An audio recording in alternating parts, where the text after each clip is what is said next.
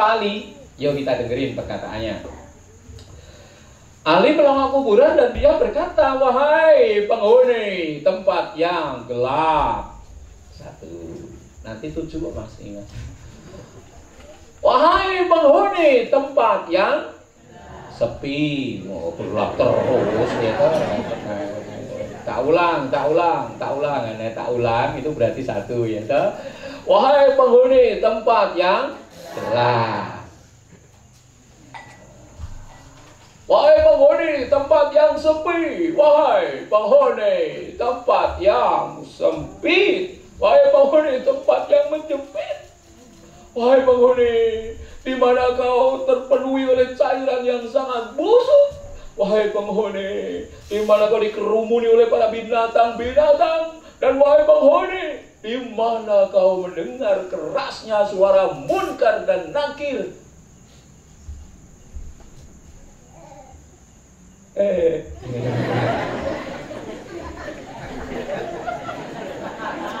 Asik ya begitu lengang. Eh. Gana ya. Dia ya nyelok dan gitu Iki aku seneng banget nih pengajiannya sound systemnya yes tidak ada alasan untuk tidak dengerin karena ini cetok banget. Sarananya jangan nggak ada alasan untuk tidak dengerin.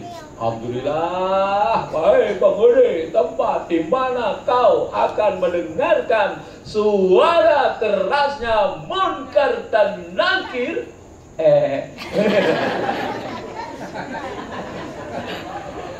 Masya Allah ya aku kabarkan kepadamu hartamu sudah habis dibagi-bagi. Kau ulang.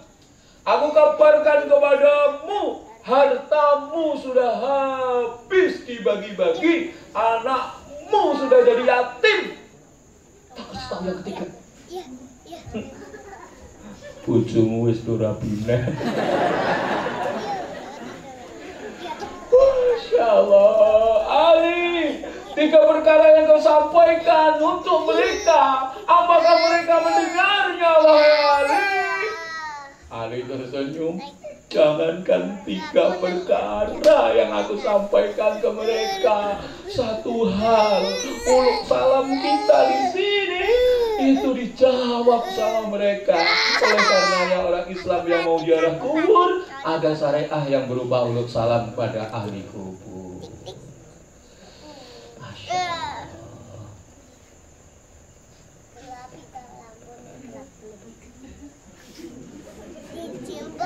ya ambekan to Pak. Ayo ya nganggo napas sepeda orang itu. Ya alhamdulillah. Ini. Bapak Ibu yang dirahmati Allah. Kita sudah tahu kita sudah mendengar.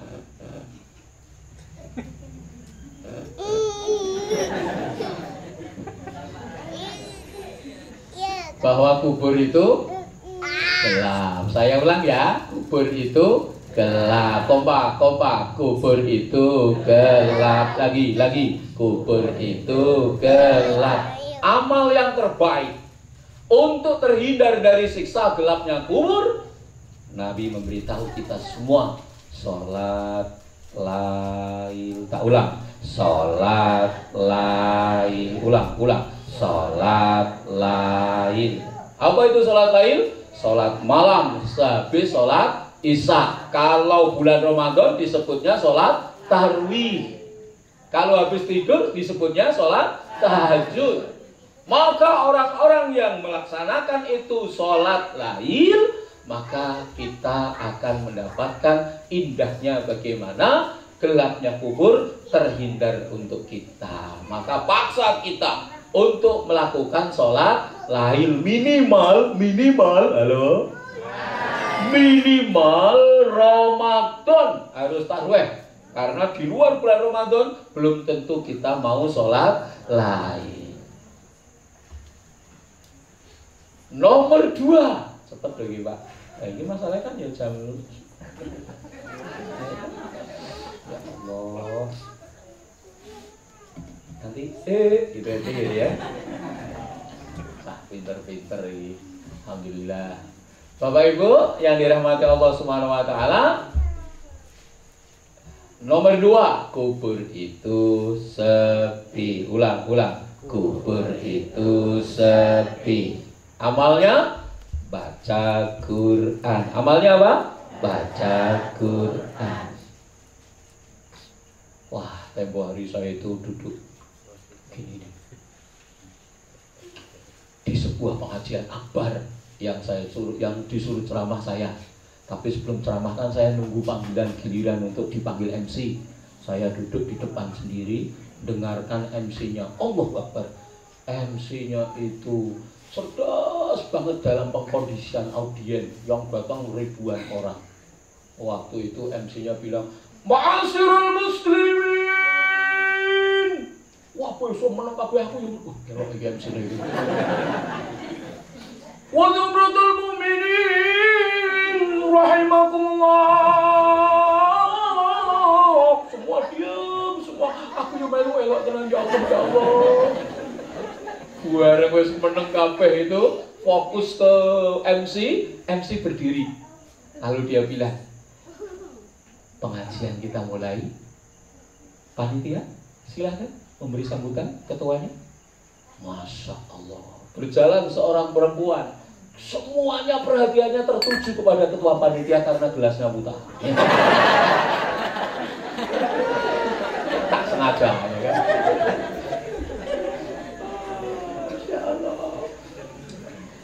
Begitu ketua panitia seorang perempuan, saya di depan sendiri itu berkata dalam hati, oh luar biasa ini pengajian akbar seperti ini, ketua panitianya perempuan.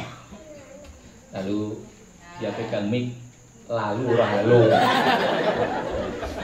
iki wis kena virus hae. Aku bilang lalu esok ya kan? Nanti sampai di rumah semu temu suaminya terus bojone apa kowe kedet kentir piye iki mau pengajiane ndadekke melek eh Pak ya kan Alhamdulillah ibu-ibu intermezzo ya dan panjenengan kemujeng karena sehat. Alhamdulillah, ibu-ibu kabar gembira karena kita bisa tersenyum, itu jelas kita sehat. Apalagi kita bisa bersin, itu juga sehat.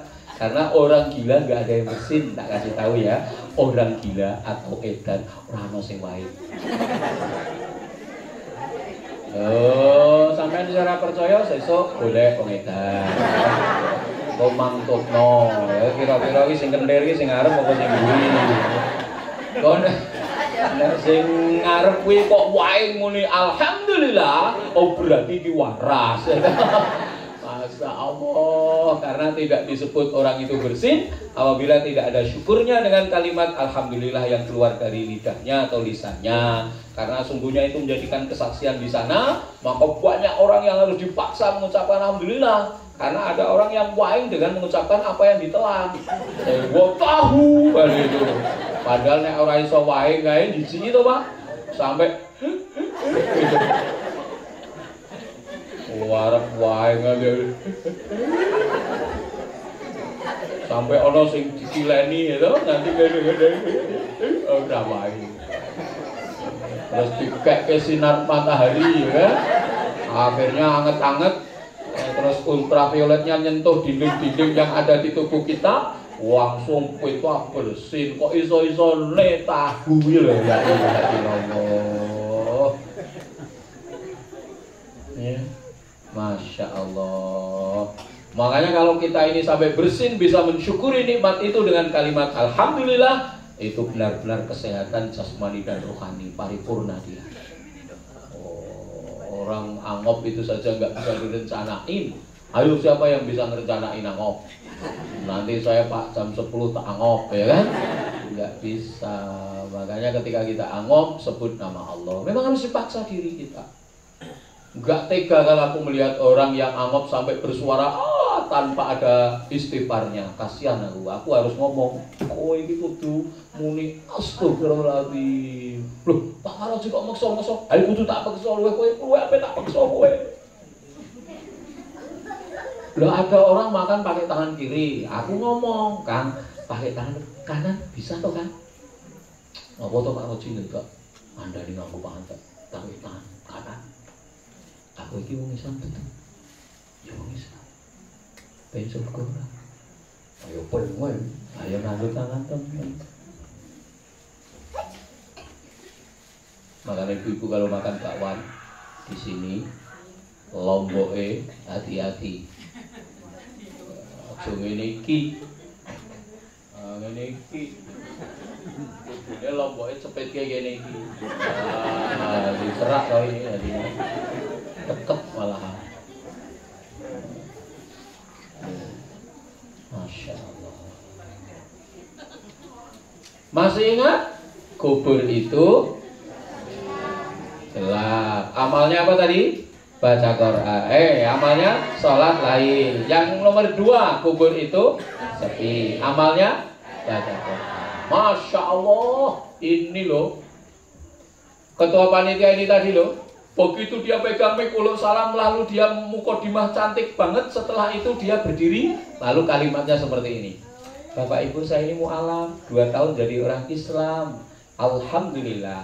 Allah anugerahkan padaku mudahnya aku membaca Al-Quran. Karena aku dibimbing oleh orang yang baik hati. Sehingga saya bisa menghatamkan tujuh kali dalam kurun waktu dua tahun keislaman saya. Masya Allah khatam tujuh kali. Masa Allah. Saya duduk di depan itu berkaca-kaca mata saya. Kalau dua tahun khatam tujuh kali Masa Allah. Sementara kita-kita Yang terkadang Islamnya jauh lebih lama Belum tentu setahun khatam tujuh kali. Bahkan sekali we nganggo ongap-angop ya kan? Makanya ini ibu-ibu dan bapak-bapak kita ternasehati oleh seorang mualaf yang dua tahun menjadi orang Islam tetapi dia mampu membaca Al-Quran hingga hatam tujuh kali. Makanya bagi pemalas-pemalas khususnya halo. Sopo sopo sing iso ngeleke wong merem niku? Orang iso. Orang itu kalau sudah dikehendaki ngantuk ombok nganti gini gini tetap ngantuk kayak uang itu loh. Uang itu kalau sudah dikehendaki nominalnya 50 ribu campur dengan recehan apa pun dia tetap 50 ribu. Maka orang yang sudah dikehendaki kau masuk surga maka siapa pun tidak bisa mencelakakan orang itu. Sehingga apa pun yang dikerjakannya arah akan menuju ke sana. Makanya orang-orang yang malas-malas membaca Al-Quran ini malam saya mengingatkan karena Quran dibaca di sini, uh, itu bermanfaat besar di sana. Bahkan sampai Nabi kita menunjukkannya satu huruf bagimu atas Al-Quran untukmu itu ada nilainya satu hasanah. Sedangkan satu hasanah kalau dibedah jumlahnya ada sepuluh kebaikannya. Maka per huruf dari Al-Quran yang kita baca itu ada nilainya sepuluh kebaikannya. Makanya bagi para pemalas atau orang-orang yang belum bisa baca harus mau membaca karena satu hurufnya menyelamatkan di sana. Nah, sing males baca Quran tapi sudah bisa minimal ya habis sholat wajib. Maca sa ayat tak ulang. Bar sholat wajib. Hmm, hmm, maca sa ayat lagi lagi bar sholat wajib. Hmm, maca sa ayat kompak kompak bar sholat wajib. Maca sa ayat lagi lagi bar sholat wajib. Maca sa ayat kompak ya dikasih um, gitu ya ya kompak ya semua ya. Ayo bar sholat wajib. Maca ayat lagi lagi bar sholat wajib. Maca semangat banget gitu sampai sampai gue tekan rumah gue sekali kali bar sholat wajib maca ayat lagi lagi. Bar sholat wajib. Baca saat seneng banget neng hati. Udah maca wis seneng. Karena Al-Qur'an itu adalah mujizat yang sudah tidak perlu diragukan lagi. Coba lihat, siapa yang bisa mencari tongkatnya Nabi Musa? Dan siapa yang memilikinya? Kalau saja ada yang memilikinya, paling satu orang. Karena tongkatnya hanya satu. Pertanyaan berikutnya, kalau saja tongkat itu ditemukan, siapa yang akan memilikinya. Dan kalau saja kita tahu kenapa Nabi Musa memukul lautan, Wah, iki pertanyaan angel sing perlu dijawab, engko sing aku. Kenapa Nabi Musa memukul lautan? Kok tidak kepalanya Fir'aun yang saat itu mengejarnya? Wah, harusnya kan Fir'aun yang dipukul. Sampai teriak-teriak, Musa, berhenti Musa, berhenti. Wah, Musa yang lari karena umatnya. Ya karena dikejar mau disembelih kok. Itu yang ngejar semua pakai seragam dan pedang. Nabi Musa lari sama umatnya sampai ada yang mau kekeliling umatnya. Musa, gimana ini Musa? Kita mau lewat jalan apa? Ini laut merah. Aduh Musa, kamu salah jalan Musa. Nabi Musa bilang, oh iso meneng ora? Kak sikap tenan lho ngomong.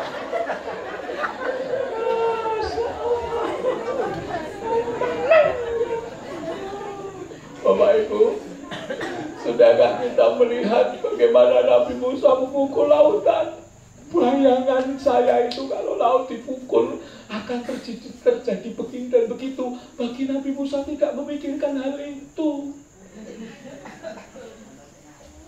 Nabi Musa itu hanya taat perintah saja. Kenapa Nabi Musa memukul lautan? Ya jawabannya karena Nabi Musa taat dengan perintah. Loh, emang memukul lautan diperintah Allah? Lah iya bagi Nabi Musa. Waktu itu kan Nabi Musa suruh pukul aja lautnya maka kan dipukul. Coba satu perintah, laut terbelah. Lah kalau lima kali, subuh, duhur, asar, maghrib, isya, itulah perintahnya semua. Nah kalau satu perintah aja lautnya terbelah, lima kali, ambiar itu itu. Makanya jangan meremehkan perkara mukjizatnya Nabi kita Nabi Allah Muhammad Sallallahu Alaihi Wasallam. Al-Quranul Karim yang mana kita semua bisa memegangnya, bisa membacanya, bisa memilikannya. Masa diberi mukjizat yang sedemikian indahnya, yang sedemikian menyelamatkannya, engkau akan lalai untuk membacanya. Ruginya di sana. Nah, ini kan jadi pikiran kita kan jadi, oh iya iya, oh, oh iya. Bersolat wajib. Baca ayat ulang ulang. Bersolat wajib. Baca ayat masya